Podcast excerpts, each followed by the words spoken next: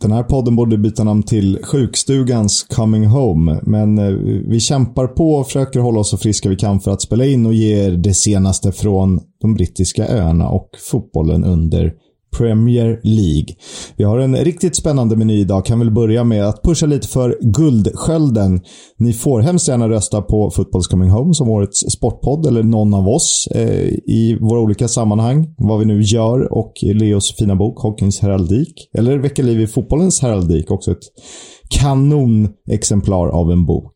Eh, Sen har vi lite andra roliga nyheter att nämna såklart. Eh, den finaste av fina fotbollsturneringar, förutom Championship då, eh, kallas Korpen. Och de är med oss ett par veckor framöver, Leo. Ja, och eh, du och jag har ju pratat om att vi vill skaffa samarbetspartners som vi, som vi både tror på själva och som vi kan stå för själva. Och eh, det här är ju faktiskt, nu låter det som att man är väldigt köpt, men det här är faktiskt rätt in i, i eh, hjärtat för mig. För eh, jag har ju spelat spelat Korpen varje vecka, sen hör och häpna, det här visar ju hur gamla både du och jag är Kisk, men varje vecka sen 2004.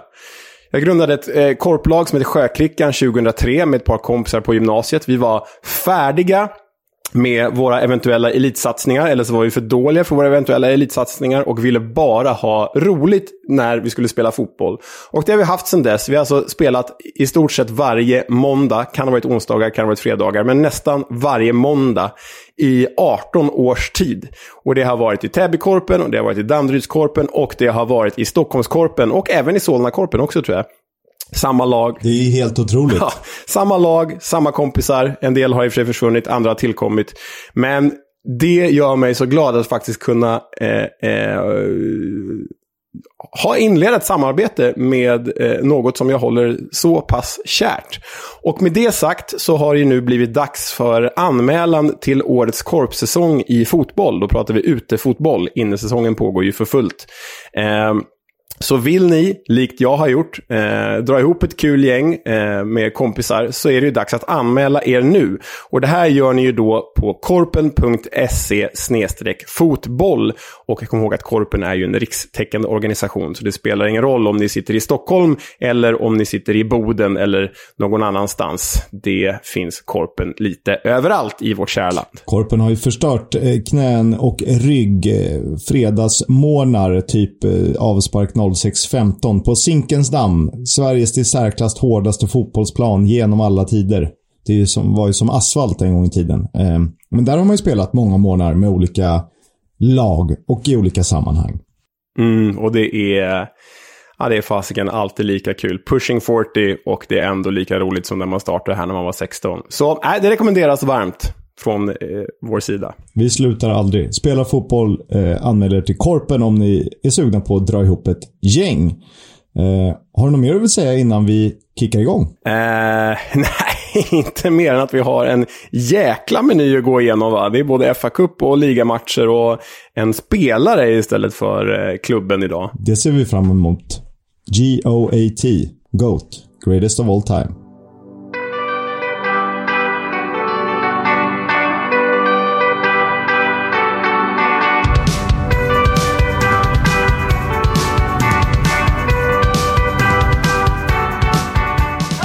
Du lyssnar på Footballs Coming Home, en podcast om Championship, League 1 och League 2. Jag heter Oskar Kisk och med mig har jag såklart från sjukstugan där hemma i eh, Stockholms finare delar i utkanten. det vet jag inte om det är Stockholms finare delar, men ja, sjuk är jag och jag är samma person som jag varit förut. Leonard Jägerskiöld Welander, jag är närvarande. Kul att ha dig med. Vi har ju så himla många matcher att prata om och det är högt och lågt. Vi har valt att fokusera på Championship när det kommer till FA-cupen, bara så ni vet det. Men vi ska försöka ta det igenom hela helgen och dessutom var det ju full veckoomgång. Det var rulle under onsdagen kan man säga. Otroligt bra matcher eh, som man inte fick se på tv, tyvärr. Men eh, det kunde man göra ändå om man ville. Men vi backar bandet till fredag där vi börjar med höjdarmötet mellan Manchester United och Middlesbrough som slutade 1-1 efter full tid, totalt 7-8 efter straffar. Det var ju så att Matt Crooks gjorde kvitteringsmålet för Borough och alla satte sina straffar förutom United-svensken Anthony Elanga. Ja, men det var väl lite typiskt att det skulle bli en svensk syndabock här. För även om vi eh, vurmar för våra Championship-lag så vill vi ju ändå att det ska gå bra för våra kära svenskar där ute. Men med det sagt, eh, det är ju det här man lever för. Att kuppen kan bjuda på sådana skrällar som att Middlesbrough ändå inte supertopplag i, i Championship, även om de liksom aspirerar på en playoffplats, kan åka till Old Trafford, ta med sig ett kryss och faktiskt vinna på straffar. Det är ju vad hela, hela FA-cupen handlar om, den romantiken. Och visst, deras kvitteringsmål, Boris kvitteringsmål, kan ju diskuteras. Men det är länge sedan nu, det skiter vi Vi lever istället på romantiken. Kul att The Borough slog ut Eh, United på Old Trafford. Verkligen. Trots 71-29 bollinnehav. Och det här var ju faktiskt en repris på mötet i ligacupen 2015 där Borough vann på straffar på Old Trafford. Och eh, efter fredag kommer lördag. Och nu dyker vi in lite i de Championship-matcher som spelades. Det var ju bara tre till antalet. Resten var upptaget av just FA-cupen. Den första mellan Blackpool och Bristol City slutade 3-1. Vi hade väl kallat det Derby della anonymitet för ett par månader sedan. Men vi har vänt, vi har mognat, vi har tagit det till oss, vi har läst på, vi har... Eh, eh det här är ju en trevlig match. Eller var ju en trevlig match. 3-1 slutar alltså. Ja, men dels som vi varit inne på tidigare, senast i förra avsnittet, att, att eh, det blir ju väldigt mycket mål när Bristol City spelar. För de är ju bra framåt och urusla bakåt. Och det fick vi ju se prov på här när de då släppte in tre baljer mot ett hemmastarkt Blackpool som tog väl tredje raka hemmasegern och befäster sin plats i mittens rike. Eh, och The Seasiders är ju faktiskt väldigt fröjdiga att se när, eh, när, man, eh, när gästerna kommer till Lancashire och spelar. Och eh, vi har ju pratat oss oerhört varma om Josh Bowler, men eh, det finns väl anledning att göra igen, tänker jag. Ja, ett väldigt elegant 3-1 mål och eh, han känns lite för ojämn för en högre nivå, kan jag tycka, av det jag sett. Men eh, när han är som bäst är han absolut ett material för, förlåt Blackpool, men bättre klubbar. Det, jag tror att han har det i sig. Jag vet inte vad man ska jämföra med. Lite Chris Eagles när han var i farten. Han fostrade sig väl United. namn du droppar. Jo, men han, han kunde ju också ah, ja. åka till White Hart Lane och göra någon så kanonmatch och sätta någon i bortre. Det är precis som den gode Josh eh, skulle kunna göra. Eh, det var en eh, det var top of mind-referensen, men jag hoppas ni förstår mig. Ja, men jag, jag förstår vad du menar. Jag blev bara glad när man hörde Chris Eagles för första gången på 14 år kanske. Värt att notera i övrigt. Kenneth Dougal dubbla assist när Gary Madin och CJ Hamilton gjorde övriga mål för Blackpool, Nucky Wells fin gammal spelare. Var kanontrevlig att titta på i Huddersfield en gång i tiden. Gjorde tröstmålet för Bristol City sent in på matchen. Eh, lite överraskning, kanske inte en överraskning, men eh, Hull eh, torskade hemma mot Preston North End 0-1. Cameron Archer gjorde matchens enda mål i det som var Shota Arveladses första förlust som manager för Hull. Ja, eh, det var en ganska svängig match. Jag såg ju inte matchen, jag har bara sett highlights från det här. Men det var ju liksom ramträffar åt bägge håll. Eh, ska ju sägas att eh, PNIs eh, keeper, dansken Daniel Iversen, imponerade i bortamålet. Men det här hade vi nog inte väntat oss, oss inför, säsongen, inför säsongen och inte nu under säsongen heller. Men Preston North End är ju nära en playoffplats. De har ju faktiskt häng på playoffplatserna. Eh, de har ju det, även om de har fler spelade matcher än eh, konkurrenterna där i, i närheten av regionerna. Men de, eh, nu ska vi inte gå händelserna i förväg med veckomatcherna, men de är ju verkligen ett mittenlag. Och på samma poäng som Stoke. Och Stoke har ju gått ganska bra, så att imponerande i sig, de små. Och Cameron Archer måste vi lyfta. Väldigt, väldigt bra lån. Klokt av P9 att lyckas lösa det. En underhållande match slutade alltså 0-1. En match som slutade 1-0. Det var Swansea mot Blackburn. Herre min skapare, vad hände? Jamie Patterson var tillbaka och spelade såklart fram till segermålet inprickat av Michael Obafemi. Det här var ju en skräll utan dess like. Ja, med tanke på Swanseas resultat. Alltså det enda som Swansea haft med sig de senaste månaderna är ju bollinnehavet. De har ju inte haft mål med sig eller resultat. Men eh, här är det ju en enorm skalp att eh, ta tre poäng mot Blackburn som ju varit ja, men, säsongens lag får vi väl ändå säga. Um, så oerhört imponerande av Swansea som ändå visar att det är liksom inte helt fritt fall neråt om man ändå kan slå Blackburn. Och sen var det faktiskt lite ändringar i The Swans-lägret. De körde ju Fisher i mål, eh, som stod för en väldigt fin insats. Eh, det gjorde han och det var väl eh, delvis tack vare honom som de faktiskt eh, kom hem, eller kom hem, de var ju hemma, men tog tre poäng på hemmaplan mot eh, topplaget Blackburn. Och det var Championship-matcherna i korthet i helgen. Vi går vidare till FA-cupen. Får väl ta dem i korthet förutom några vi väljer att fastna lite extra vid. Huddersfield Barnsley 1-0. Dwayne Holmes avgjorde matchen i 19 minuten. Det var den tolfte raka utan förlust för The Town. Som ju verkligen är på gång. Fem förluster i följd för Asbaghi och Barnsley som hade en boll inne men målet var bortdömt. Båda lagen hade ju bra chanser på fler mål, bland annat en sanslös Nabisar-träff i egen stolpe. Men 1-0 eh, slutade matchen och Huddersfield därmed vidare. Lite detalj här, om jag inte missminner mig så är Nabisar faktiskt en gång i tiden fostrad i mitt kära Lyon. Så det är ju alltid kul när Lyon-spelare utmärker sig på ett eller annat sätt. Och träffar egen stolpen då? Exakt, jag menar det. Peterborough QPR 2-0. Eh, och här kan man väl misstänka att QPR har huvudet på andra ställen med tanke på hur bra det har gått för dem i ligan. Men 2-0 är alltid något. Och siffrorna måste vi ju nämna. Bollinnehav 28-72. Avslut 3-16. Ja, det här var ju freak of nature. Alltså när man, när man bara såg resultatet och tänkte att det var FA-cupen, då tänkte i alla fall jag att eh, ja, men QPR vaskade det här för de vill, vill fokusera på playoffspurten playoff-spurten och, och ligaspelet. Men när man då tittar på siffrorna som du är inne på och tittar på den laguppställning som QPR hade, alltså det var ju ja, men det var väl åtminstone åtta ordinarie spelare, kan vi ju säga. Ehm, så var det ju bara en, en olycka i arbetet för QPR, uppenbarligen. Peterborough är ju, som vi vet, inte speciellt bra, men när de är bra så tar de ju poäng på hemmaplan. Det är känslan att de inte var så bra den här eh, lördagen, utan de var bara effektiva. Ja, och tjejer borde kanske eh, både gjort ett och två mål, men eh, Ribban och Steven Benda var i vägen. Eh, även Austin och Adoma noterades för farliga chanser, men för första gången sedan 1986 spelar Porsche femte rundan av FA-cupen och eh, det är värt att säga grattis till. Ja, det, det är ju faktiskt en jäkla fest för en, en klubb som Porsche. Och med tanke på att hon typ ändå åker ur så kanske det ska ses som en, en stor framgång ändå. Men det kan ju också bli något av en pyrrusseger, något som tar energi från bottenstriden i The Championship. Så ja, jag vet inte riktigt hur vi ska se på det där. Vi får väl summera efter säsongens slut helt enkelt. Precis. Eh, Southampton Coventry 2-1 och eh, det var en tung förlust för eh, Coventry som tappade ledning och sen föll i förlängning förlängningen. Men roligast var ju att Viktor Gyökeres eh, fick göra mål igen. Hans första i kuppen för säsongen och hans elfte totalt. Och Gyökeres ska vi återvända till. Ja, men verkligen. Och fint mål också. Bra väggspel av Coventry. Liksom väldigt tydligt väggspel. Gyökeres får tillbaka bollen, vänder och placerar in den. Men vi måste ju bara säga, Eh, för er som är lite highlight-sugna, gå in på YouTube, kolla på det här kvitteringsmålet av Stuart Armstrong. För det är ju en av engelska fotbollens bästa strutar den här säsongen. Strut var ordet. Från strut till Stoke eh, som slog Wigan med 2-0.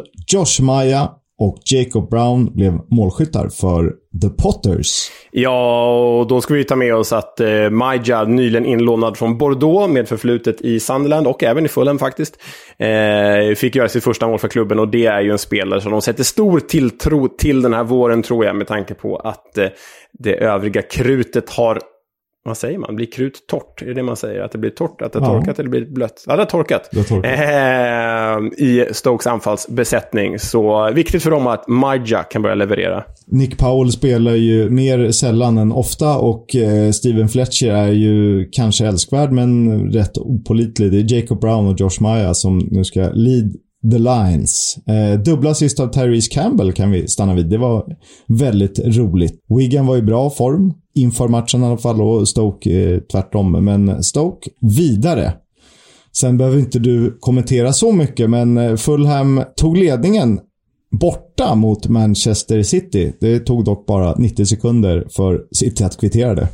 Ja, jag kände det direkt när Fabio Carvalho eh, gjorde mål. Så var min första, det var efter fyra minuter, så var min första tanke Ja, men han visar att han kan på de absolut största scener. Gud vad häftigt. Men min andra tanke var, fan, det här blir ju en överkörning. För det sämsta man kan göra är ju att ta ledningen tidigt mot City. Man ska ju ta ledningen sent mot City. Eh, man ska aldrig ta ledningen, för risken är bara att de vänder på steken. Precis. Cambridge mot Luton slutade 0-3. Imponerande insats av Luton där eh, Carlos Mendes Gomes gjorde sitt första mål för klubben och det tyckte jag var väldigt roligt. Honom som vi nämnde eh, tidigt in på säsongen ändå. Ja, vi hade ju i, eh, kanske i september, oktober eh, under segmentet eh, när vi pratade om kommande talanger. Vad heter det segmentet? Remember the name. Remember the name. Då körde vi Carlos Mendes Gomes som var väldigt uppskriven inför säsongen när han kom från Morecambe med förflutet i Portugal. Men nu är det ju kul om han faktiskt kan börja leverera också. Så det ska vi hålla koll på. Sen har vi ju ett toppnamn till 3-0 målet. Admiral Musque. Sim Zimbabwes landslagsman tror jag. Ja, det känns ju Zimbabwes att heta Admiral i förnamn. Nej, det gillar man. Pluspoäng. Fem plus för det namnet. Fem plus till Amiralen. Och eh, det har blivit dags för oss att prata om söndagsmatcherna. Cardiff hade inte mycket att hämta på Anfield. De förlorade med 3-1 eh, borta mot Liverpool och det var inget snack om saken. 80-20 i bollinnehav. Och det är rätt långt mellan Premier League-toppen och Championship-botten. Även om de kanske har lämnat det nu. Den walesiska landslagsmannen Robin Colwell med tröstmålet för Cardiff. Och sen eh, ska vi stanna vid helgens stora stjärnsmäll eller stora fyrverkeri. Ja, men alltså Nottingham Forest, Leicester 4-1. Och jag vet inte hur många som är inlästa på, och utan, eh, på, på Forest eh, utöver oss som liksom eh, verkar och lyssnar på den här podden. Men den här fanns ju på tipskupongen i helgen. Och för mig var det faktiskt en, en eh, gaffel där, en 1-2. Eh, så jag var ganska nöjd med att Nottingham faktiskt vann den här. Men jag kan tänka mig att det var en enorm sensation igen för de som inte är riktigt insatta i The Championship och Nottinghams form. För även om de slog ut Arsenal så i föregående omgång så tänker man ju nej men nu är det ju kört när de möter Leicester. Men fy fasiken vad bra de var mot Leicester Kiss. Och det var en eh, riktigt rolig fotbollsmatch att titta på. Kanske inte om man tillhör The Foxes, men eh, jag fick hela familjen att eh, hålla koll på den här och det var ingen som var besviken över det. Nej, nej så är det ju. Men då ska ju också sägas att här, Brennan Johnson, som ju var en av Forests absolut bästa spelare när de slog ut Arsenal, han var ju återigen en av planens giganter nu när de slog ut Leicester. Eh, samarbetade väldigt bra med Keenan Davis och detta gjorde man alltså utan Lewis Grabben, deras främsta målskytt. Yes, han kommer vara borta eh, sju, åtta veckor är rapporten, den senaste jag har läst, att han kommer saknas. Men Keenan Davis, wow, vilken, eh, vilket lån. Och han har ju något stort i sig. Det, han är ju helt omöjlig att ta bollen av. Dessutom är han snabb och, och bra med fötterna. Så att han är inte bara stark. Nej, en riktigt bra anfallare och kommer bli guld värd för Nottingham, tror vi. Det här var faktiskt eh, blott andra gången de senaste 17 åren som Forest har tagit sig till den femte rundan. Och det gjorde man genom att sluta de regerande cupmästarna. Ja, det är, nej, det är otroligt imponerande. Och, For, och Forest, till skillnad från Peterborough som vi pratade om tidigare, Forest har ju bredden för att kunna klara av både toppstrid i, i The Championship och eh, eh, ytterligare matcher i kuppen. Så nej, hatten av. Det här är ett oerhört imponerande lagbygge. Förutom Johnson då, eh, Zinkernagel gjorde första målet och den reprisen han inte ens rulla färdigt innan Johnson rullade in eh, 2-0 målet mellan benen. Eh, så att eh, det gick undan där. Joe Worrell, Jed Spence övriga målskyttar för Nottingham Forest och det kan bli en riktigt trevlig vår för våra vänner från Sherwoodskogen. Ja, och en liten detalj där också. Vi har varit inne på att eh, Forest älskar ju att värva spelare. Vad är det, liksom 80 spelare nu de har värvat de senaste åren. Men då är det ändå två av fyra målskyttar i den här matchen är ju egna produkter i Brennan Johnson och Joe Worrell. Och det gläder ju mig att det finns utrymme för sådana även i köpebyggen som, som Forest. Vi lyfter på vår lilla hatt. Och det gör vi också för det som är the magic of the cup. Eh, Bournemouth, Borham, Wood 01. Borham Wood som alltså snittar 500 åskådare i National League hade med sig 1400 pers till sydkusten. Och det är i och med den här segern så blev de första non-League-lag att nå 50-rundan sedan 2017. Då var det Sutton United och Lincoln City. Ja, och eh, deras eh, speciella profil, Mark Ricketts, blev matchvinnare. Han är alltså 37 år gammal, eh, härjar runt i non-League, bara det är underbart, med faktiskt en bakgrund i Charlton. Eh, så det är, ju, det är speciellt när de här lagen får utrymme. Alltså. Och när de då vinner, det är ju sanslöst med tanke på hur Bournemouth då har värvat alldeles nyss dessutom. Och det finaste eh, är ju att Danny Hunter, som är ordförande i Borham Wood, han belånade sitt eget hus för att rädda klubbens existens under pandemin. Och eh, nu får han ju igen lite av det med kanske ett ekonomiskt lyft eh, i och med att de åker till Goodison Park och får spela mot Everton. Roligt för Boreham Wood. Verkligen. Ska ju också sägas att de var extremt effektiva med tanke på att de gjorde ett mål på ett avslut på mål. Så ja, stor skräll. Och det var FA-cupen med Championship-ögon summerad. Jag tycker att vi har varit tillräckligt snabba eh, och så får vi väl dyka ner lite i Championship veckoomgång. Det bjöds på karameller även där såklart. Coventry Blackpool 1-1. Eh, Gary Medin gav Blackpool ledningen och Victor Gyökeres kvitterade för Coventry med hans tredje mål på de fyra senaste matcherna som verkligen ser ut att ha hittat in ett nytt målstim. Ja, ett ruskigt bra mål också. De ligger alltså under då med 0-1 efter Garmedins mål och eh, Coventry-keepern Moore slår en lång jäkla macka över två tredjedelar av plan.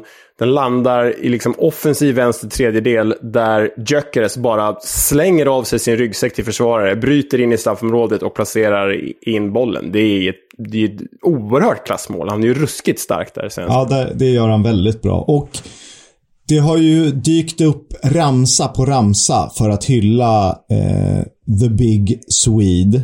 Eh, men en fastnar lite extra och det är ju eh, till melodin eh, Norman Greenbaums gamla Spirit in the Sky, den här One Hit Wondern, om man nu kan kalla den så. Eh, som även, det har gjorts en fantastisk version av Manchester United med eh, George Best i fokus. Man hör inte så jättebra, men vi lyssnar på den en gång i alla fall.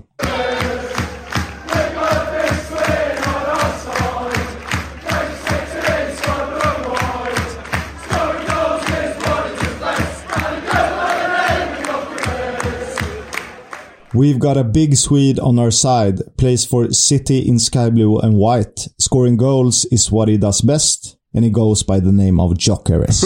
Jag tycker den är otrolig. det, det, är ju, det är ju brittisk ramsa när det är som bäst. Så, så är det ju bara. Den är fantastisk. Fantastisk. Vi hoppas att det dyker upp lite härliga klipp på den i ännu bättre kvalitet. Men eh, roligt att Gyökeres gör mål och eh, han, både han och andra i Coventry och Blackpool hade nog kunnat göra fler mål. Både innan och efter eh, de båda målen innan alltså. Derby Hull sändes på svensk TV, således också engelsk TV. Eh, slutade 3-1. Mm, och eh, det med rätta kan vi väl säga. Eh, Derby var ju till, inte bara ett, kanske till och med två nummer större än Hull i den här matchen. Och det var ju lite speciellt för den jubilerande Craig Forsyth Eh, vänsterbacken för dagen nickade ju in eh, Darbys eh, första mål.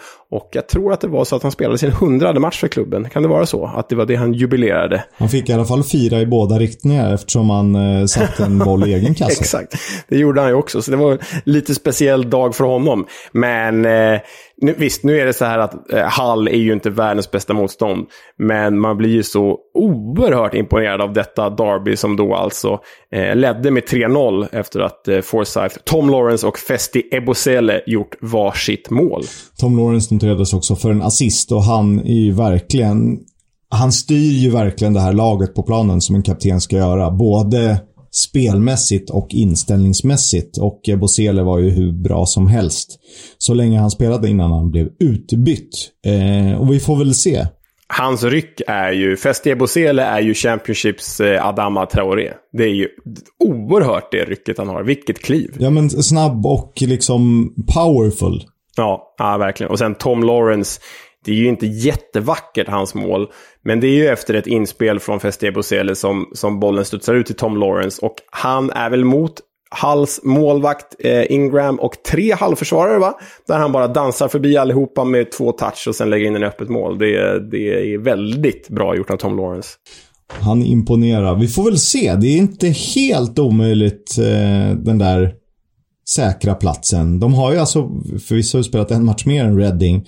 Men de har bara fyra poäng upp. Ja, och de där fyra poängen upp var ju 20 poäng upp i början av december. Så jag menar, fortsätter de på inslagen väg, då kommer de att kliva förbi Reading. Så är det bara. Ja, men eh, så är det bara. Och där sätter vi punkt för Derby Hall. Och eh, går vidare till ditt gäng Fulham som slog Millwall i derbyt utan några större problem. Ja, nej. Alexander Mitrovic, eh, tvåmålsskytt. Eh, även Bobby de Cordova Reed skrevs in i målprotokollet. Och den stora grejen här, det är ju att Mitrogol nu gjort 30 mål på 27 matcher. Han är då alltså eh, bara ett mål från att tangera Ivan Tonys målrekord i The Championship som han satte förra säsongen. Två mål från att slå rekordet. Och det är ju då, hur många matcher är det kvar Kisk? Det är... 17 eller sånt där va? Ja, 17. Så han kommer ju definitivt slå det här målrekordet. Och extra kul är att eh, Mitrovic har då mött, eh, sen han kom till Fulham har han mött Millwall, jag tror att det här var sjätte gången. Han har gjort mål i alla matcher mot Millwall. Favoritmotståndare, inget buggy team. Millwall alltså. Totalt 37 poäng den här säsongen för Mitrovic. Han gör alltså 1,42 poäng per 90 minuter och det måste ju ses som ganska bra. Det är ju sanslösa siffror alltså. Ja. Sorge Barnsley, som de eh, skämtsamt kallades i ett tidigare avsnitt, föll borta mot Luton. Eh, Alan Campbell, Elijah Adebayo, målskytt av femmalaget Carlton Morris eh, med ett tröstmål, eller kvitteringsmål var det ju faktiskt. Eh, och efter det här så var Poya Asbaghi rätt ledsen i och med att han inte har vunnit i ligan sedan hans ankomst i november. Nej, och det är ju, det är ju faktiskt fasansfulla siffror. Och det ska ju komma sig ihåg att han tog ju över ett Barnsley som inte var det Barnsley eh, vi såg förra säsongen. Det var ju ett Barnsley utan Alex Mowat och Daryl D.K. Men så här dålig får man inte vara. Och det är ju faktiskt så att eh, alla de här matcherna nu utan seger, vad är det, 11 utan seger i ligan va? Ja. Det är nytt eh, klubbrekord. Nytt negativt klubbrekord för Barnsley. Så länge har de aldrig gått utan att vinna en match i ligaspelet förut. Och det är ju en väldigt tråkig merit att ha på sitt CV. Han säger det också. Jag har varit här i två och en halv månad och har inte lyckats vända trenden, vilket var mitt jobb att göra. Och avslutar man eh, en mening på det sättet, då känns det ju som att han vet mer än vad ledningen vet. Nu har de satsat på honom, så det är väl lika bra att göra det. Men Ah, det är tufft. Och de, de, de skapar ju en del chanser, inte tillräckligt många, men de är ju så ruskigt ineffektiva. Det är så opåkopplat. Ja, och återigen utan Coley Woodrow som är ju målskytten som finns i laget. Eh, nej, det ser ju mörkt ut för, för Barnsley. Och det blir ju också därtill, i och med den svenska ledningen, så är det ju en enorm prestigeförlust att ta in då en svensk tränare och, går, och det går så här dåligt. Men någon gång måste man väl byta, för det här fungerar bevisligen inte alls. Neil Warnock är ledig. Ja, jag menar det. Det, är, det är här han gör bäst. Han räddade Rotherham i en liknande situation för ett par år sedan. Um, så ja, in, in med nocken kanske. Du, ditt eh, kära Luton. Räknar man sen eh, första december så har inget lag i The Championship tagit mer poäng än Luton. Det är häftigt. De, eh, de smyger med. När vi tippade vår sluttabell så hade vi inte ens med dem. Nej. Någon av oss. Nej, verkligen. De var väl 11-12 kanske. Nu är de, ja. vadå, 8? Eh, nej, det är ju, de gör ju ett fantastiskt jobb. För jag menar, det här är ju en klubb med en av de mindre budgeterna och en trupp som är ja, inte jätteimponerande egentligen. Vinner de matchen de har till godo på Nottingham, när de för Middlesbrough före sig, så kan de ju vara på playoff-plats. Och de har två matcher eh, till godo på Huddersfield, men bara fyra poäng bakom. Ja, Premier League skulle må bra av en klubb som Luton. Det är ju min känsla. Eh, någon som går in där och bara lite stökig och lite skitig. Kan de inte få Millwall så kan de få Luton. Det vore härligt. Det är ju eh, frågan om eh, Kenilworth Road ens är godkänd för Premier League-spel. deppigt om de skulle gå upp i Premier League och de spela på typ Vicarage Road eller något. Nej, det vore deppigt. Ja, de ska bygga nya Power Court eh, när den nu står klar. Men den är arbetet med planeringen pågår. Vi hoppas på Luton i Premier League såklart. Stoke eh, slog Swansea när Swansea var tillbaka på sitt gamla vanliga. Fast ändå inte. Det blev 3-0. Eh, Jaden Philogen Bidance Säger vi så? Från och med nu säger vi så. Jaden Philogen Bidance. ja, det blir bra. Han gjorde mål. Det gjorde även Lewis Baker och Jacob Brown. Ryan Bennett utvisad för gästerna. Tung andra halvlek för Swansea och alla målen kom ju då och utvisningen. Tung match överlag för Swansea, som inte ens kunde skryta med bollen i havet. 59 40-41 i Stokes favör. 7-1 i skott på mål. Inget snack om saken. Nej, och Stoke eh, tar ju de sista chanser de har nu att haka på i playoff-pushen. Swansea faller ner mot någon anonym säsongsavslutning, är ju känslan. Och har väl givit upp drömmar om någonting eh, gladare playoff som man kanske funderade på inför säsongen. Onsdagens matcher då. Bournemouth mötte Birmingham. Det blev 3 1. Och det var väl kanske föga förvånande egentligen. Ett Birmingham som har väldigt svårt att eh, hitta någon bra form. Onel Hernandez gjorde deras enda mål och eh, Ryan Christie och Son Dom Solanke hade redan gjort mål innan eh, Jefferson Lerma blev utvisad. Han är ju bra på det. Så att nu riskerar han en sån här automatisk avstängning om fyra matcher. Ja, han är, ju, han är ju väldigt bra i sitt defensiva arbete i regel, men han är ju också för brysk och för hård för. Han är ju en eh, riskfaktor, speciellt om Bournemouth skulle gå upp i Premier League, för då kommer nog de röda korten bli ännu fler, är ju känslan. Ja, och det var han som gjorde det spännande eh, innan Hernandez reducerade, men Jadon Anthony kunde rätt enkelt stänga den matchen. Solanke gjorde sitt 19 ligamål för säsongen. Wow, och men jag tycker att man ska titta på 1-0 målet. Det förarbetet, det, det samspelet de har där, det är faktiskt helt otroligt. Det är ett av de snyggaste spelmålen jag sett på länge. Även om Christies första avslut eh, tar i ribban och leder fram till en ny situation. Men det första förarbetet, otroligt snyggt. Det rekommenderas. Sen kanske den matchen jag tyckte var mest intressant på förhand under onsdagen, Blackburn-Nottingham. Men det slutade i 0-2. Ja, och eh, här är det väl två saker. Det ena är ju att Nottingham verkligen befäster sin, sin playoff-push och sin eh, plats bland de eh, playoff-aktuella lagen. De är ju så här bra att de kan bortaslå Blackburn med 2-0. Men Blackburn, andra raka förlusten, andra raka matchen utan mål. Mm, det som jag oroade mig för fram tills att fönstret stängde var ju att de skulle drabbas av sin alldeles för tunna trupp. Och sen när fönstret stängde och de hade behållit sina nyckelspelare och värvat lite bra, då kände jag ju att nej men det här kommer de klara. Men nu är det som att min föregående negativa profetia kanske börjar spela in här. För eh, det är ju en liten svacka hos The Rovers. Eh, något form av darr är det ju. Sen saknar de inte chanser och det hade ju inte varit orättvist om det hade varit, blivit 2-0 om man ser över hela matchen. Eh, Brice Samba gör bland annat en otrolig fotparad i, i första halvlek. Um, jag tror att det är Reda Kadra som kommer hyfsat fri från en frispark och uh, skjuter på hans fot. Är Brice Samba seriens mest ojämna keeper? Ja, det kan han nog vara. Nu när typ Simon Sloga har gått uh, till Ludogorets, så absolut. Exakt. Uh, kan han nog vara. Men det är någonting som inte riktigt eh, stämmer. Eller är vi bara överdrivet eh, entusiastiska efter två förluster och vill hitta någonting? Jag vet inte, men eh, det får vi väl se till helgen. Ja, nej, vi vill ju ha kvar Blackburn där uppe om man nu ska vara lite partisk. Det vill vi. Eh, dels för klubben och spelarna och för eh, allt vad de är värda. Men eh, jag höjer ett varningens finger. Det här oroar mig. Det oroar nog flera. Eh, Bristol City mötte Reading. Matchen slutade 2-1. Din favorit blev eh, målskytt igen. Ja, Antoine Semenyo, sen vi började prata om honom för typ en månad sedan, så har han spelat fram till mål eller gjort mål i varenda match. Och här gör han ju ena målet och inblandad i 2-0 målet då, eh, som är ett självmål av Michael Morrison. Eh, det är ju en väldigt fin anfallsuppsättning som Bristol City har med tanke på att de är ett lag på nedre halvan av The Championship. De har ju alltså Andy Weiman, Chris Martin, Antoine Semenyo och Naki Wells. Och Naki Wells är fjärde gubbe här. Det är ju väldigt bra, men också väldigt obalanserat när man ser till resten av laget. Ja, det är väl därför det antingen blir 1-3 eller 2-1 när de spelar. Mycket mål. Det här var Reddings sjunde raka förlust. Totalt 10 matcher i följd utan seger, 8 förluster och 2 oavgjorda på de matcherna.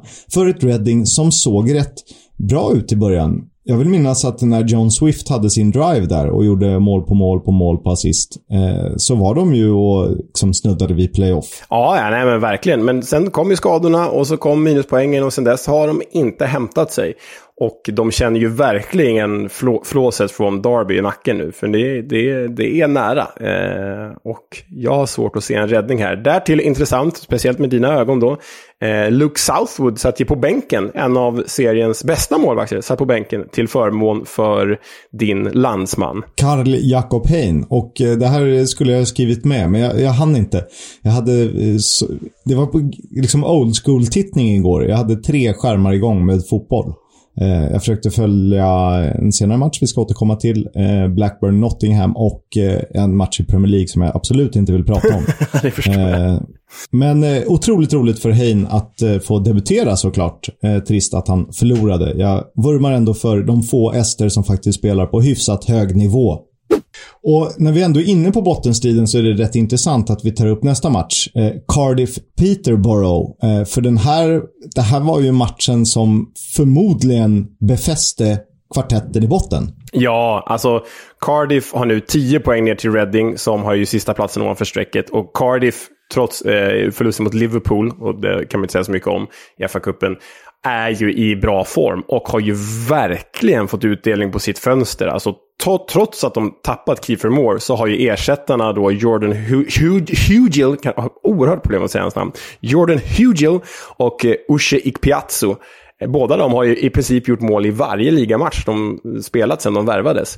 Eh, och eh, ja, det ser ju rätt ut för Cardiff. De, att de därtill mosar då nedflyttningskandidaten eh, Peterborough med fyra baljer. Det befäster ju ännu mer deras position där. Så vi kan nog, trots att det är 17 matcher kvar, säga att Cardiff nog kommer att klara sig. Det, det kändes som det. Det här var lite en, en kraftdemonstration, eller maktdemonstration säger, säger man väl egentligen. Aiden Flint gjorde mål igen med foten. Det har vi inte sett sen, eh, ja, när var det? September, oktober. När han och... Eh, Rob Dickey. Exakt, Rob Dickey stänkte in baljer från halvplan och allt möjligt. Det var snygga mål och de tog alltid sen sköna eh, andra situationer på hörnor eh, för att få eh, avlossa bössor. Jag var tvungen att titta lite snabbt på siffrorna. Peterborough hade 69-31 i, i bollinnehav, vilket är rätt mycket om man förlorar med fyra mål. Cardiff gör mål och Cardiff gör mål på samtliga avslut på mål. De hade 4-1. Och eh, värt att lägga till där är ju att de hade två bollar i stolpen som inte räknas som skott på mål. Ja, Cardiff är effektivt. Eh, och eh, mm, Peterborough känns ju mer och mer hopplöst. Tyvärr. Det spelades ju toppmöten, klassikermatchen, klassikermatcher och utmanarbataljer runt om i Championships. Så bjuds vi tv-tittare på en 0-0 fight från Deepdale. Men det eh, var kanske inte så oväntat med två svårslagna och stabila lag. Åtminstone för stunden. Jämnt överlag med viss hemmafördel när Preston North End och Huddersfield spelade 0-0. Ja, och Preston har ju blivit en otroligt trygg lagmaskin sen Ryan Lowe, gamle Plymouth-tränaren, tog över i december. De har då alltså bara förlorat en av tio matcher. Men det är ju ingenting jämfört med Terriers 13 raka utan förlust. Och Terriers är det lag vi har pratat minst om när vi har pratat om playoff. Eh, och det är väl ett av lagen som har varit sexigast att titta på eh, över säsongen. Kanske inte just den här matchen då. Nej, men grejen med Huddersfield har varit lite samma känsla som Blackburn. Att eh, truppen är för tunn, de ska inte vara där egentligen. Men skillnaden på Huddersfield och Blackburn är att Blackburn är inte så anonym som klubb, vilket Huddersfield är. Och då blir det lätt att man orättvist nog förbiser eh, The Terriers, trots att de står för väldigt fina prestationer gång efter gång. Ja, det kanske är lite roligare att prata om typ Sheffield United eh, som har värvat spektakulärt, eller West Brom som borde ligga mycket högre, eller Luton som är den lilla kämpen från strax utanför London. Eller klassikerna Nottingham och Borough och så vidare. Ja, men det ligger nog något i det. Men eh, vi, får, vi får skärpa oss där. Huddersfield är ju fina och Carlos Corberan förtjänar ju allt beröm han kan få. Såklart han gör. Eh, sen de andra två höjdarmatcherna, toppmatcherna. QPR Middlesbrough 2-2. Och eh, jag har skrivit ner QPR menar allvar. Middlesbrough också. ja, man får väl säga egentligen på förhand att Middlesbrough eh, är ju... Alltså, Middlesbrough hade ju tagit ett kryss på förhand och det hade nog QPR inte gjort.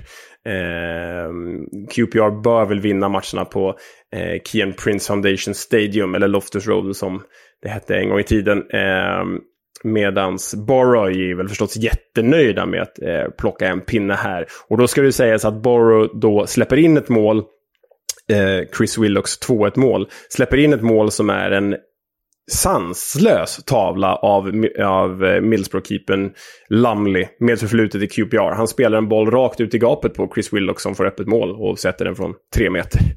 Eh. Ja, man ger ju inte QPR lillfingret, för den offensiven är inte att leka med. Ilias Shahir, vår favorit, gjorde ett stiligt 1-0 mål.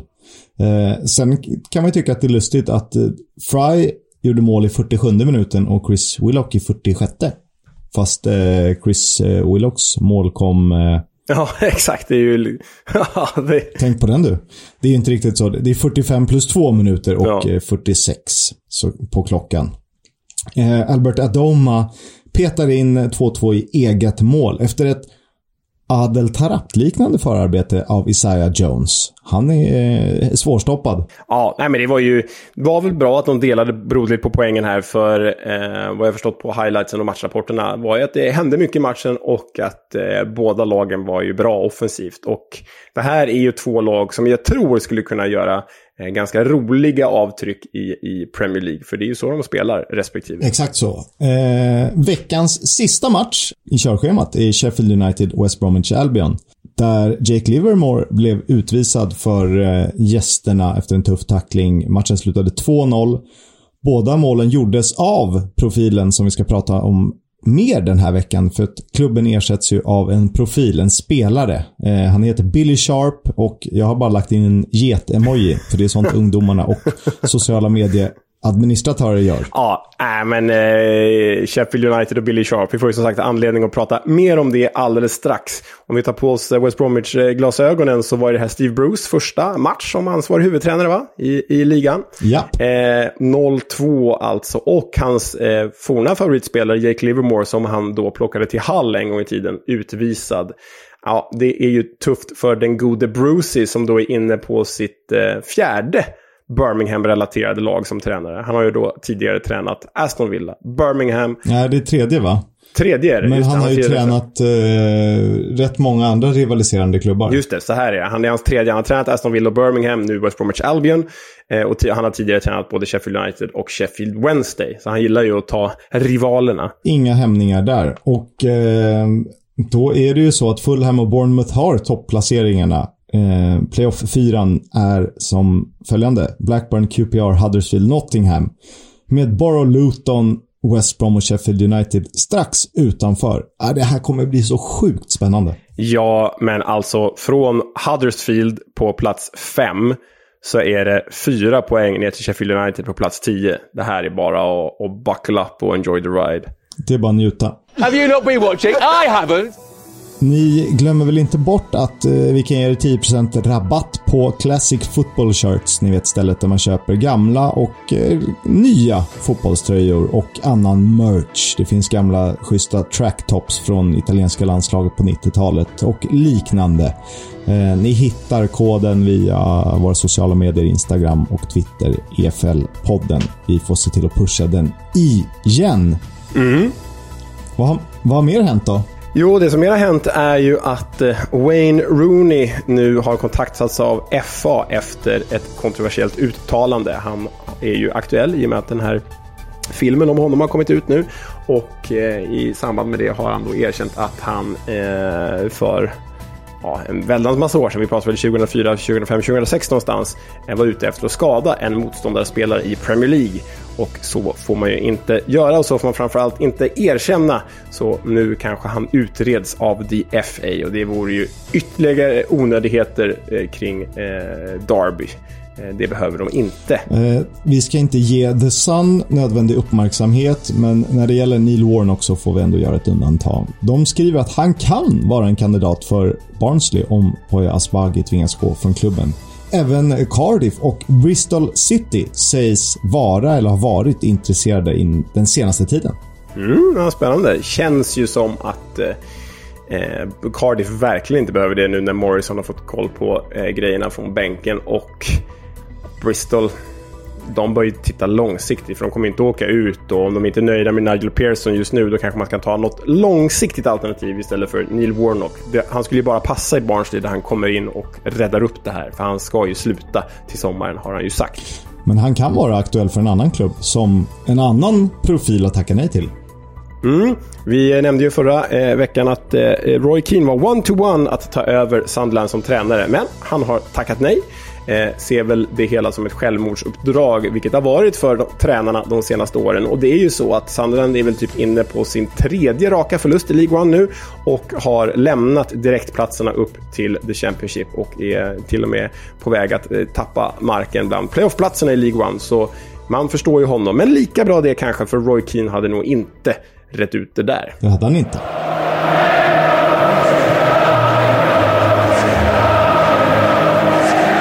Footballs Coming Home sponsras av Stryktipset. Ett spel från Svenska Spel, Sport och Casino. För dig över 18 år. Stödlinjen.se.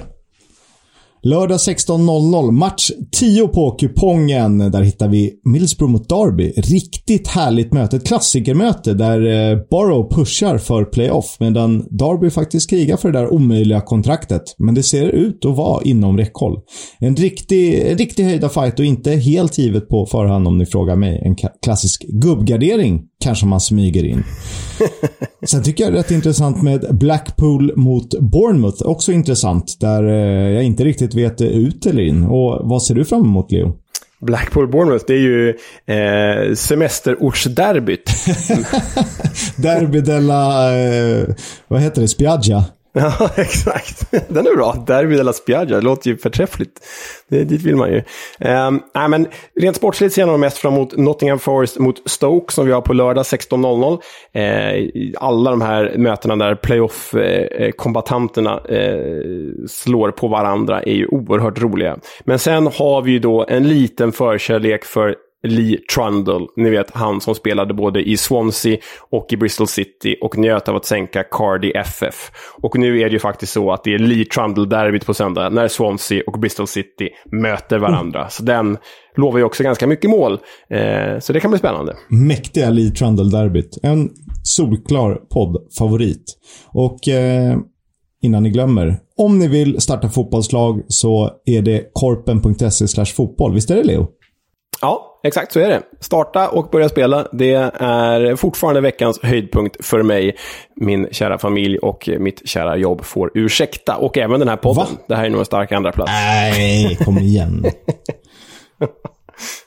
Ja, vi har valt att göra ett undantag. Det är lite speciellt när det handlar om rekordhållare. Eh, det handlar inte om Albert Adoma, för han verkar väldigt självutnämnd med flest matcher i Championship. Det får vi lov att återkomma till.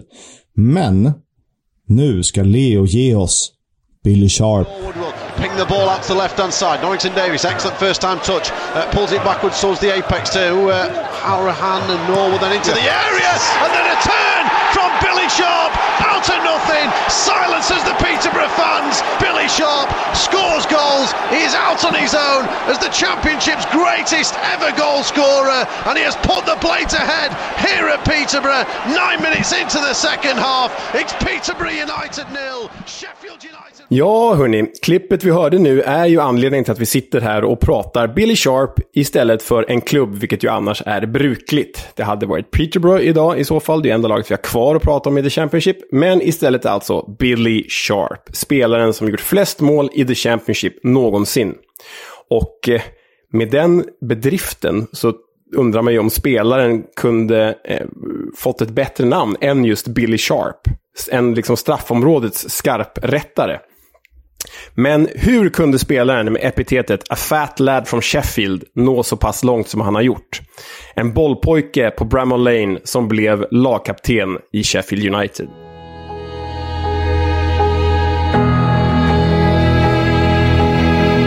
Dad was the one who brought me to my first game. I was only about five, I think I was then. I remember it was just something I wanted to be part of, and I, have sat there as a fan and as a ball boy, and now obviously as a player, and it is a very special feeling. Billy Sharp is going to run through and goal. Can he finish? Yes, he can! Och Kisko alla ni andra, det här kommer vara en berättelse om mål och framgång lika mycket som en historia om en local lad som fick spela för sitt favoritlag. Men det är också en tragedi. I alla fall delar av den, vilket vi dessvärre och obönhörligen måste återkomma till. Men vi tar det från början. Billy Lewis Sharp föddes den 5 februari 1986. Han är alltså årsbarn med dig och mig, Kisk.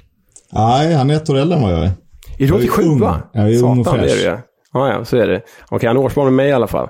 Ehm, han föddes i stålstaden Sheffield och eh, rakt in i eh, en stålstadsfamilj. Forge from steel, som klubbens motto är. Born to be a blade, som han själv har sagt. Då hans far brukade lyfta till Uniteds bortamatcher.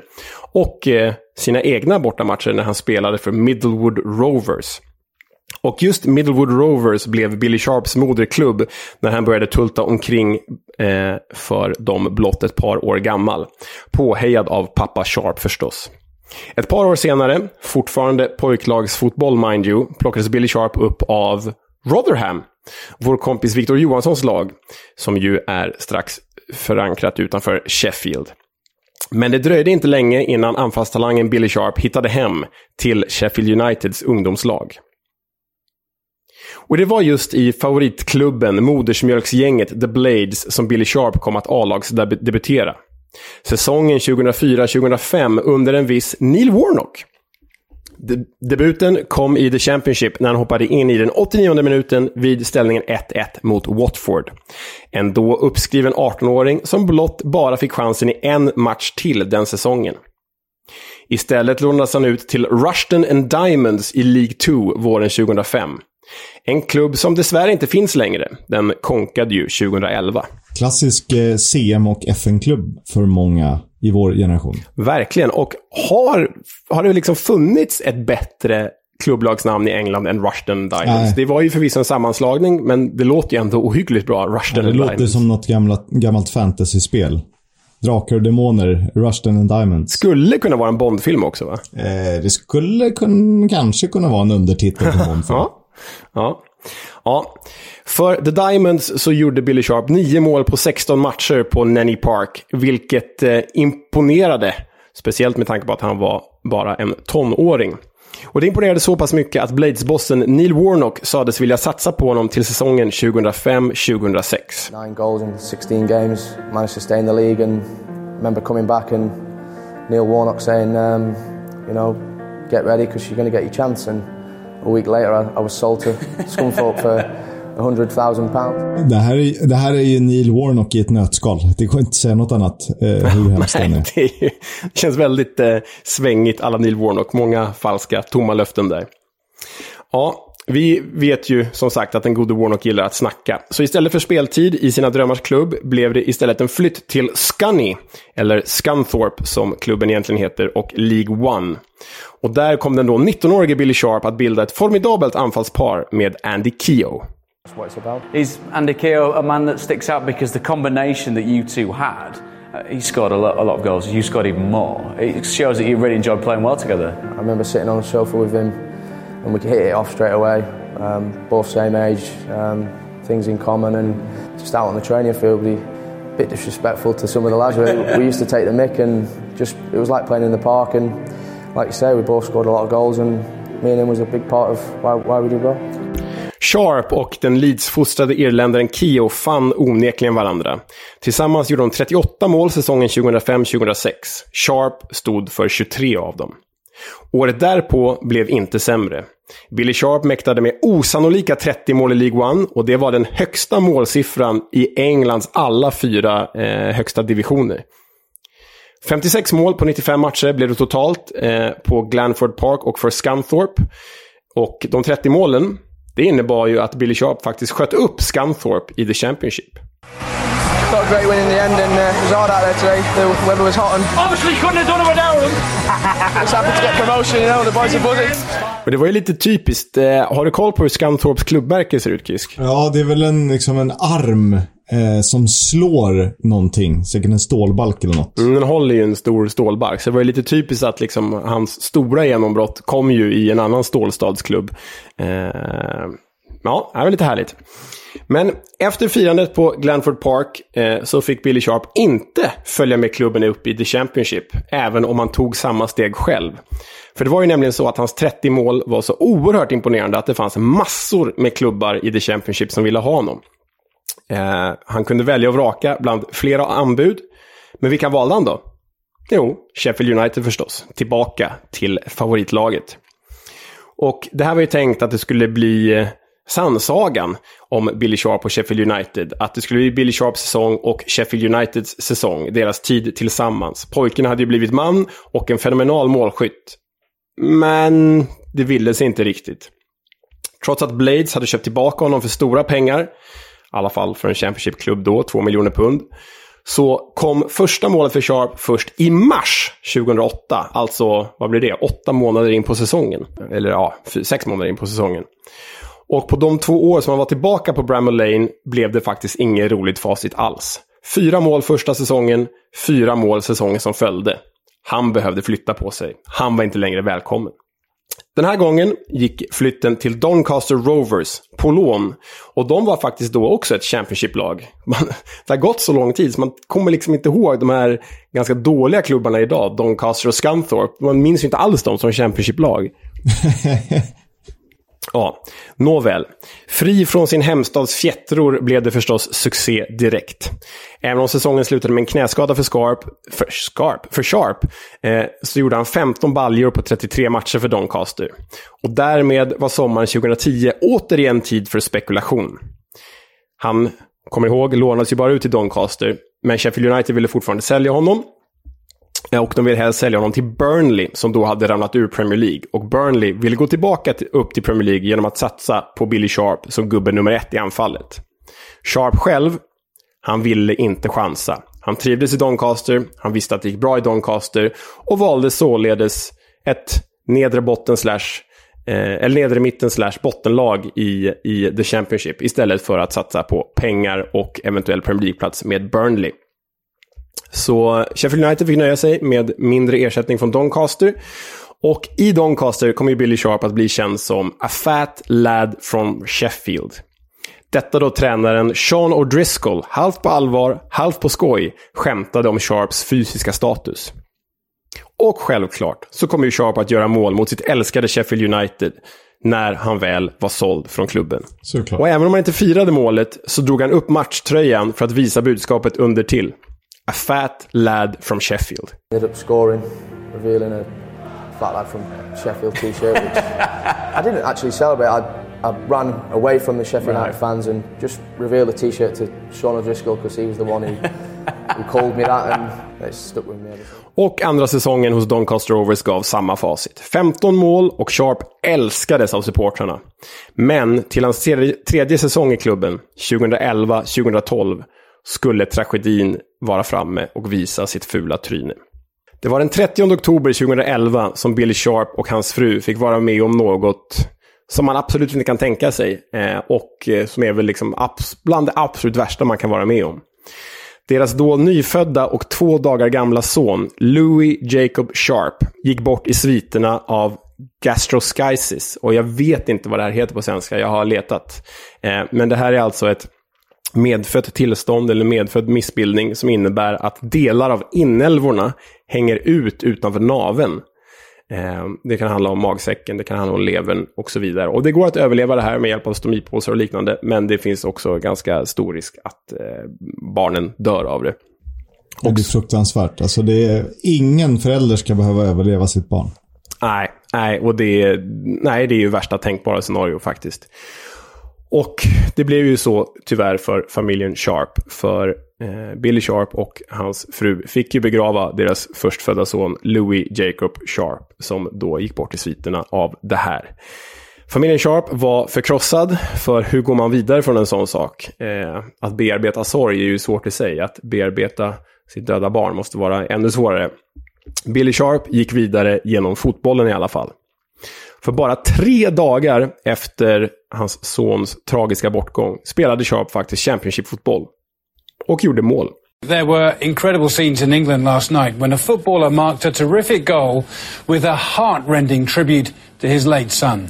Doncaster's Billy Sharp was playing against Middlesbrough just three days after his little baby boy passed away. Louis Sharp was only two days old and his father revealed that that goal was for him. The message on his shirt read, That's for you, son. And he revealed later on Twitter that he wanted to do something special for his boy. A wonderful tribute and incredibly credit to the referee for not booking him as he could so easily have done.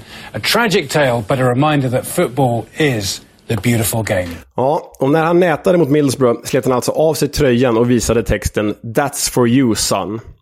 Domaren, med det ganska opassande namnet Darren Deadman, gav inte Sharp något gult kort, vilket domaren Darren Deadman med rätta hyllades för. Sharp ska ju egentligen få gult kort enligt regelverket för att han slitit av sig tröjan. Men Deadman, Deadman var stor nog för att eh, skippa den repressalien. Det här kallades väl eh, a goal from heaven? Exakt. A goal from heaven.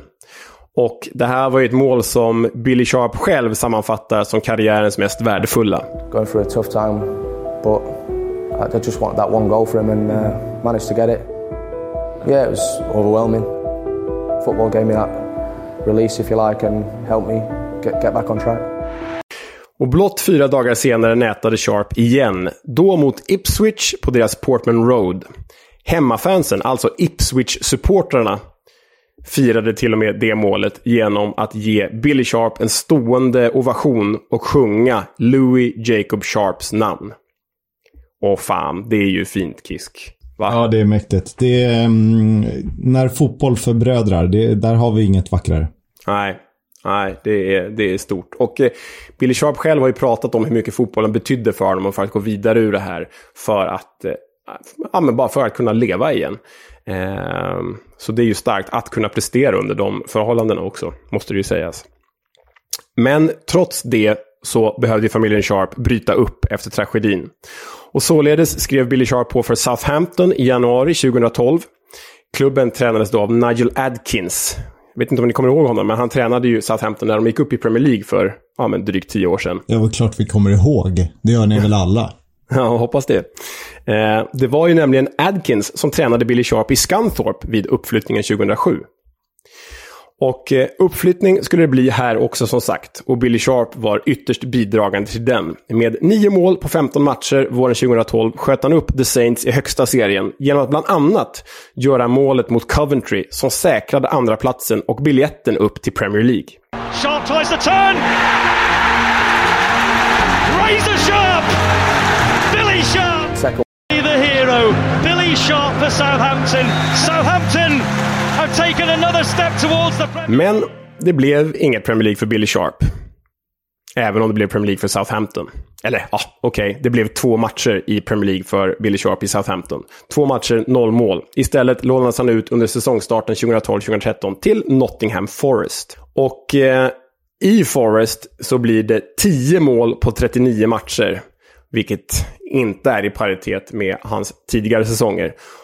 Och därefter börjar man faktiskt undra om karriären inte är på väg helt utför för den gode Sharp. För han inleder nämligen en flyttcirkus som innebär att han representerar Nottingham Forest, Reading, Doncaster Rovers och Leeds inom loppet av tre år. Och det är bara i Forest han når tvåsiffrigt.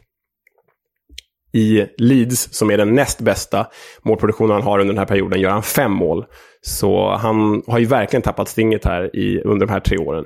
Och då undrar man ju vad som behövs för att eh, råda bot på det hela. Ja, och det kan ju vara en återkomst. För efter de tre säsongerna, 2012-2015, behövde ju Sharp få fart på karriären igen. Och vart vänder man sig då om inte hem?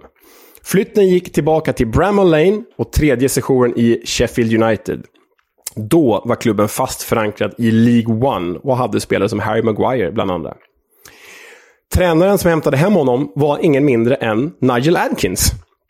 Och det är faktiskt det enda Nigel Adkins är ihågkommen eh, för idag i Sheffield United egentligen. Adkins hade då haft Sharp i Scunthorpe, Southampton, Reading och Sheffield United. Och som den sympatiska Adkins älskade sin Billy Sharp. So, Billy Sharp then, uh, he's signed over the dotted line.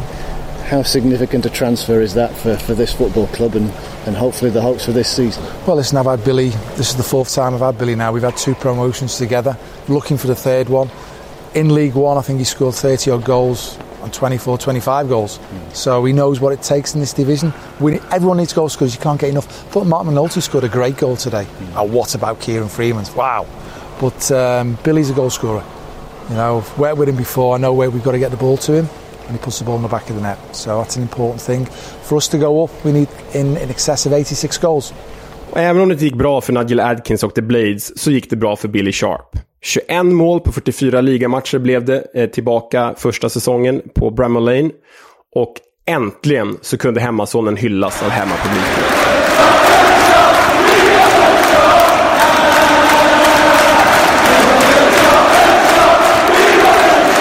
Och efter Sharps första säsong eh, i Sheffield United så fick Nigel Adkins lämna på sig och till andra säsongen då 16-17 utsågs en annan Blades-supporter till tränare, Chris Wilder.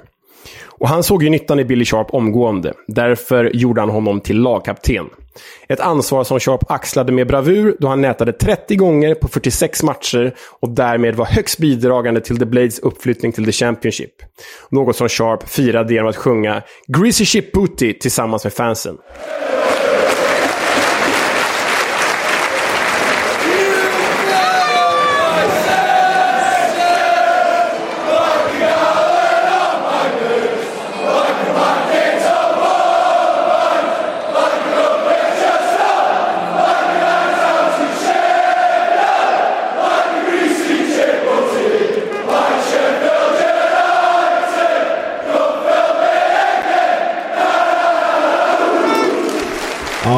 Viktigt. När eh, supportrar och spelare stämmer upp och det kommer alldeles från hjärtat. Då, eh, man blir varm. Det var Napoli hade när de hade sin bästa session med Iguain som härförare för ett gäng år sedan. Det var ju när de sjunger Un giorno proviso”. Det var ju lika mäktigt det.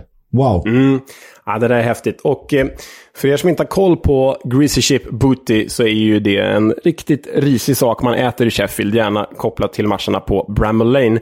Och vill ni veta mer om den ransan och om den rätten så rekommenderar vi er att söka upp avsnittet där vi faktiskt pratar om Sheffield United som klubb. Där får ni hela bakgrunden till Greasy Ship Booty och så får ni bland annat höra att Fly eh, känd från Red Hot Chili Peppers, har stått och sjungit den låten också på konsert i Sheffield. Men den här uppflyttningen då från League One till The Championship är ju ett minne som Billy Sharp bär med sig än idag.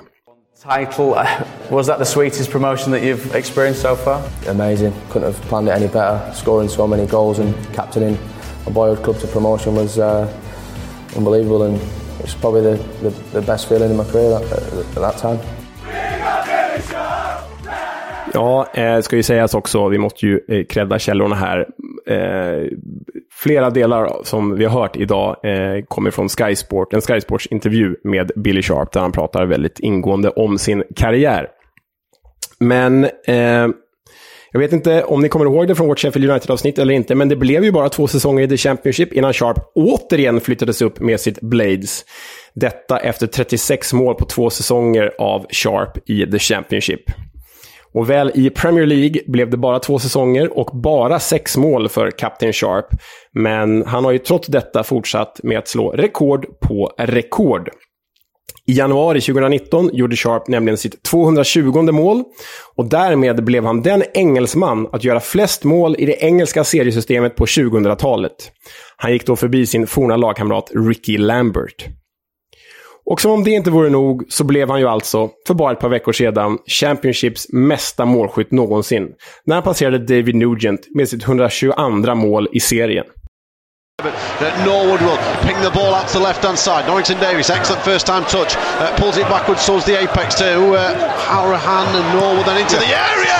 And then a turn from Billy Sharp out of nothing. Silences the Peterborough fans. Billy Sharp scores goals. He is out on his own as the Championship's greatest ever goal scorer. And he has put the plate ahead here at Peterborough. Nine minutes into the second half. It's Peterborough United nil. Sheffield United Och nu, efter eh, veckans dubbel, så har han gjort 125 mål i Championship. Ja, och eh, han är väl spelat dem. Sheffield United kanske går upp, kanske inte. Han har ju minst den här säsongen kvar för dem i The Championship. Säkert något år till också kanske, så han kommer utöka den här ledningen. Det är rätt imponerande för en kille som ändå har spelat ganska mycket utanför Championship ska tilläggas. Han har haft sina största framgångar egentligen i Scunthorpe League One med Sheffield United i League One och så har han gjort några säsonger i Premier League, även om de inte var så många. Ja, nej men det är ju... Han har väl, vad blir det, fem, han har väl fem, sex säsonger i League... Nej, fem, det blir sex säsonger i alla fall utanför The Championship. Så det är väldigt imponerande. Och spännande att höra och härligt att han har rest sig. De startade någon slags foundation eh, efter sonen för forskning av den vidriga sjukdomen som då eh, tvingades sonen att eh, fara iväg Ja. till eh, annan ort. Eh, och jag tror väl att han har tre barn eller någonting sånt. Eller har han två barn idag? Så att, Ja, han har, de har ju fått barn sedan dess. Eh, och eh, efterföljande son, Leo Sharp, bra val av namn. Eh, han spelar nu i Sheffield Uniteds ungdomslag och det finns lite klipp på honom på YouTube när han gör mål och pappa Billy Sharp jublar. Så eh, de har verkligen gått vidare som familj också. Eh, tack och lov. tack för det. Billy Sharp och tack för det Leo. Väldigt intressant att höra. Och ett litet avbrott i det vi brukar prata om. Ni, ni får gärna tycka till, var med och påverka. Eh, skriv till Färdpodden på Twitter så gillar ni klubben, vill ni ha fler profiler. Vi har ju Peterborough kvar som vi har bävat för att behöva göra. eh, men jag inser väl att jag får ta den nästa vecka. Jag har ingen val, eller har du något annat i kikan? Nej, jag har, jag har inte förberett mer än så. Så om du känner dig mogen, eh, Peterborough, så får du gärna göra Porsche. Klart jag ska göra Porsche. Och roligt även att eh, folk gillade West Brom. Riktiga engelsmän, födda kring klubben, men som eh, talar så pass bra svenska att de förstår vad vi säger. Säger att det är bra. Då tycker jag det är, väldigt roligt och då bugar jag djupt. Eh, men Peterborough, it is nästa vecka och sen får vi ner i League One. Eller om det är fler profiler ni vill höra. Var med och tyck till. Have a chat about the fucking game. About your game, last few months, last few weeks. Fucking character. Han är inte ute och svingar så mycket längre. Eller jo, det är klart han är. Han är ju ute hela tiden. Och vi hoppas väl på honom till Sunderland. Eller någonting bara. Ge oss Warnock eh, i presskonferensrummen snarast. Tack. Men jag har hittat en gammal godbit. Eh, han hade ju ett speciellt förhållande till den eh, väldigt talangfulla Adel Tarapt. Som eh, på sin bästa dag var en otrolig spelare. Men eh, Adel Tarapt var ju lite sådär lynnig och hade huvudet på andra ställen. Och eh, här berättar Neil Warnock om när Adel Tarapt ljuger om att han ska åka till Frankrike på begravning för att en vän har blivit skjuten. Um, possibly that he had to go. Uh, this was Adel Tarab at QPR. He got me promotion. Scored two great goals against Cardiff. He did. Whoops. The year we got promotion. Um, yeah, he come to see me one day and told me that his a friend of his had been shot, and he had to go back to France. Um, could he go back for the funeral, etc., and all this? It was in, you know. So I said, yeah, of course you can.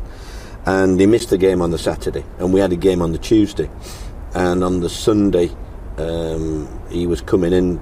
He was coming back on the Sunday, and I told my secretary not to let him out of his sight.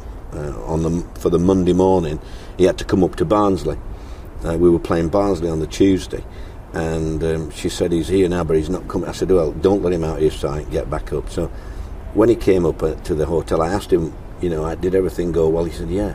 But in the meantime, he didn't realise that his passport had been lost, and somebody had found it and brought it back to the club, so he couldn't have possibly gone abroad. So I asked him, did, you know, did you, you go back to France, did you? He went, yes, it was bad and blah, blah, blah. And I let him go off and off and off. I said, oh, well, when are you going again? He said, oh, it'll be a few weeks' time. I said, well, do you want your passport then, son? What did he say? He Was he shocked? To say the least, yeah. But it was a gem of a lad. I loved him. So, you know, he got me promotion. So. Det, det är härligt att eh, det är alltid så tvära kast med Warnock och den här, att man får höra om den här Tarapt-galenskapen också. Eh, men, och att han hänger upp hela sin kärlek på Tarapt, att han i början av inslaget och i slutet av inslaget säger ah, “He got me promotion”. Ja. men det är så bra hela vändningen det här. När ska du tillbaka? Ja, men, eh, här har ditt pass. Ja, alltså, otroligt. Han har humor. Ja, verkligen. Det har han. Då har det blivit dags att säga tack till eh, Stryktipset och tack till Korpen som är med oss. Eh, spela för guds skull fotboll. Det är det finaste vi kan göra. I höstmörker, i strålkastarljus. Eh, konstgräs är väl okej okay då, om vi måste. Men finns det gräsplan så är det trevligt också. Eh, roligt avsnitt. Vi ska göra Peterborough nästa vecka. Tack för att eh, du var med Leo. Tack för eh, att du var med Kisk. På återhörande. Upptäckta vägar. De han tar.